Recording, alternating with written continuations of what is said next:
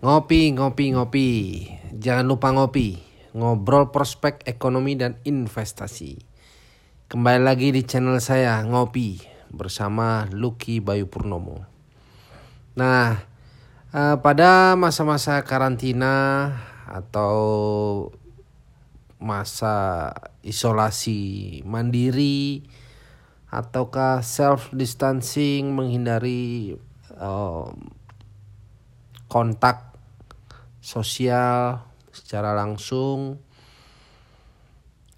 uh, banyak sekali pertanyaan yang saya terima baik dari media sosial hingga uh, pesan singkat mengenai robot trading atau prospek robot trading.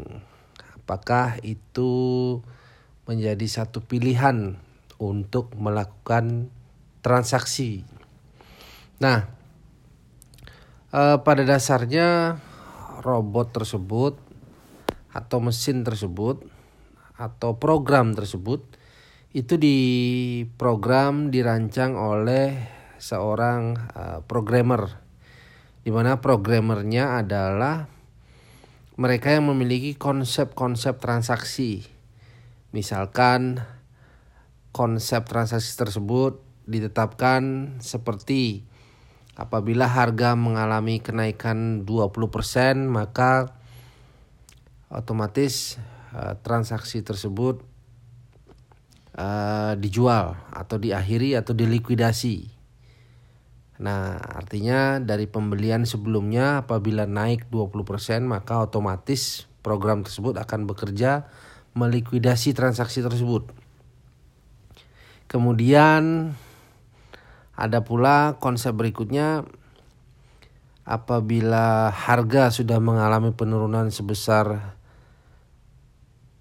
30% maka robot tersebut atau program tersebut menjalankan programnya untuk melakukan transaksi beli karena harganya sudah mengalami penurunan 20% dari uh, angka yang ada sebelumnya. Nah, angka yang ada itu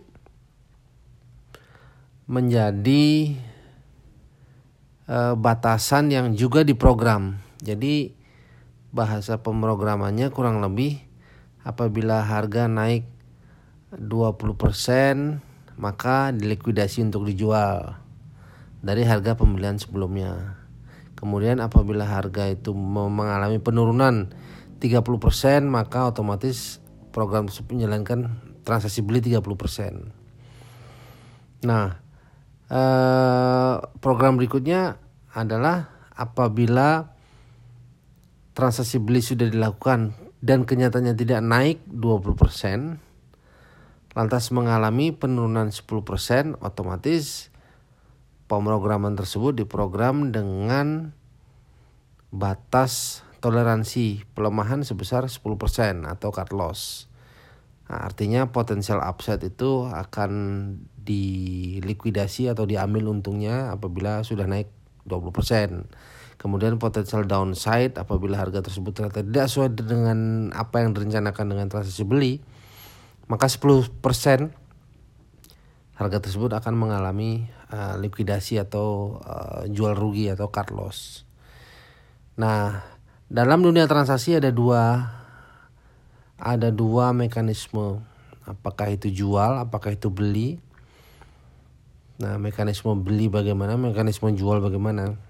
Nah, artinya kalau kita bicara uh, robot, umumnya mesin atau bahasa pemrograman ini uh, banyak digunakan pada instrumen transaksi yang memiliki likuiditas tinggi antara lain adalah forex, kemudian komoditi.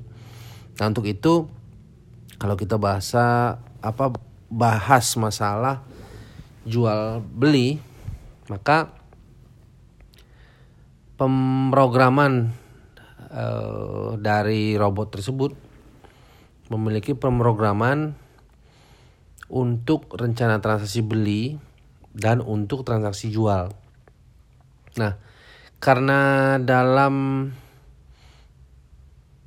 kenyataan pasar itu tidak hanya mempersilahkan pelaku transaksi tersebut hanya untuk melakukan pembelian dan kenyataannya ada juga yang melakukan uh, transaksi dengan cara short sell atau short selling maka robot ini juga memiliki program uh, bagaimana apabila harga tersebut memiliki peluang pelemahan yang sangat besar sebutlah 35 hingga 45 persen maka uh, pemrograman short sell itu dapat uh, bekerja pada satu level yang sudah ditentukan.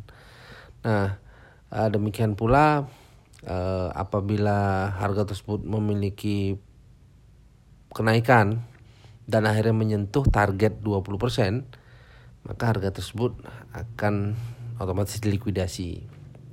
Nah, kurang lebih itu yang direpresentasikan melalui uh, cara kerja robot trading. Tapi kita bicara dua dua poin sekarang. Untungnya apabila memakai robot itu uh, peluang uh, profit atau peluang kenaikan itu atau peluang uh, keuntungan Eh, dapat saja diperoleh. Akan tetapi ruang ya, keuntungannya tentu terbatas karena bahasa pemrograman atau program yang dibuat dari robot tersebut telah dibatasi pada rencana transaksi dalam batas kenaikan harga tertentu atau dalam batas penurunan harga tertentu. Nah, itu keuntungannya. Kemudian yang kedua, keuntungannya apabila objek transaksi tersebut liquid, maka dengan demikian program tersebut dapat menghasilkan uh, keuntungan yang konsisten karena dibatasi naik 20% otomatis dijual, kemudian apabila harga tersebut turun 10% otomatis uh, harus jual rugi karena rencananya transaksi beli.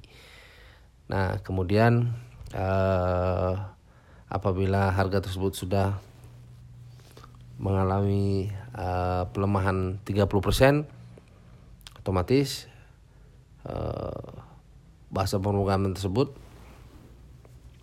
dapat melakukan perintah untuk membeli karena sudah mengalami penurunan 30% atau yang berikutnya eh, transaksi jual dilakukan eh, dengan metode short sell karena peluang penurunannya 20%. Nah, maka short sell diprogram untuk dilakukan. Nah, kemudian apabila short sell dengan tujuan menjual karena mem ingin memperoleh keuntungan pada saat harga tersebut mengalami pelemahan dan kenyataannya tidak mengalami pelemahan justru naik uh, sebutlah 10% maka robot tersebut akan melakukan eksekusi untuk melaku, mel, apa melikuidasi transaksi jual tersebut.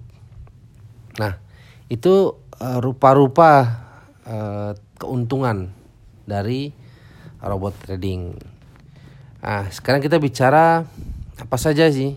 Kalau tadi kita bicara keuntungan, kerugiannya apa aja? Kerugiannya tentu yang pertama apabila pasar justru naik lebih daripada program yang sudah diprogramkan misalkan harga beli kemudian naik 20% otomatis dilikuidasi. Nah, kerugiannya kalau dia naik lebih dari 20%, nah maka itu akan jadi sebuah kerugian, artinya kerugian momentum karena naiknya 40%, naiknya 50%, tetapi 20% dengan bahasa pemrograman sudah dieksekusi jual atau dilikuidasi.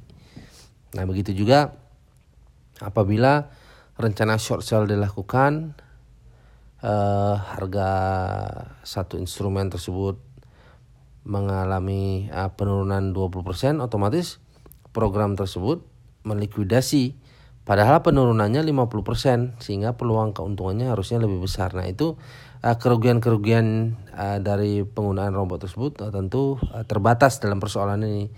Untuk itu pemilihan robot trading dianjurkan bagi para pelaku transaksi yang memang memiliki risk profile atau profil risiko yang uh, agresif dan uh, risk profilnya itu relatif tinggi karena apa? Otomatis apabila pasar ternyata memiliki volatilitas yang tinggi dan kenyataannya uh, robot tersebut tidak mampu mengatasi volatilitas atau fluktuasi yang sangat tinggi atau sangat cepat, maka uh, modal yang digunakan tersebut belum tentu akan menghasilkan satu pendapatan yang optimal. Nah, untungnya apabila Eh, robot tersebut bekerja dalam uh, satu pergerakan yang sesuai dengan bahasa pemrograman tersebut.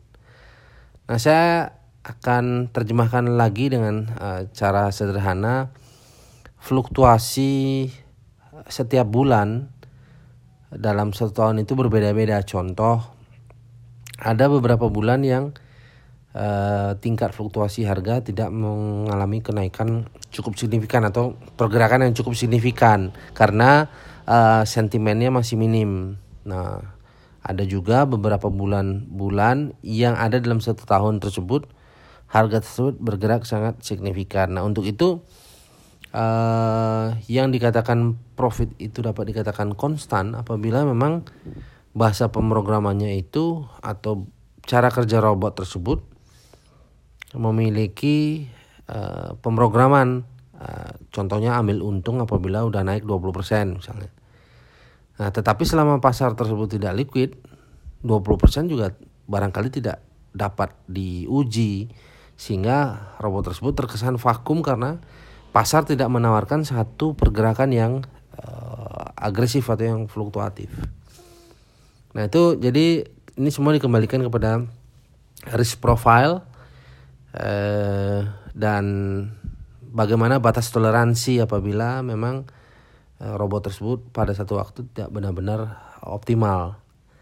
Nah sekali lagi eh, kalau kita perhatikan bahwa robot dapat menjadi alternatif transaksi, tetapi ada baiknya kita tetap melakukan transaksi eh, secara natural atau memang berbasis daripada eh, pendekatan-pendekatan yang memang ada hingga saat ini yaitu uh, fundamental analysis dan technical analysis.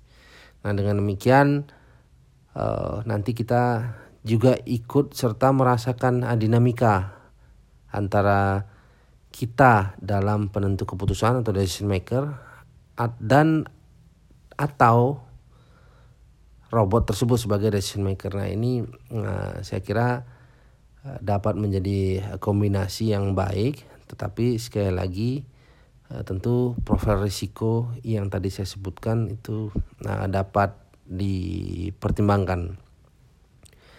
Oke, uh, yang terakhir sebagai penutup uh, kita tadi mengawali obrolan ini dengan prospek. Nah, kalau bicara prospek uh, ada namanya prospek teori. Prospek teori tersebut uh, memiliki maksud untuk mengantarkan kita agar memahami bahwa upaya-upaya penemuan masa depan tersebut harus mempertimbangkan nilai-nilai risiko dan prospek teori memiliki kepentingan untuk menjelaskan bahwa setiap pelaku transaksi pada dasarnya ingin menghindari eh, risiko atau meminimalisir risiko atau mengelola risiko yang baik walaupun situasi yang ada itu semuanya berjalan normal.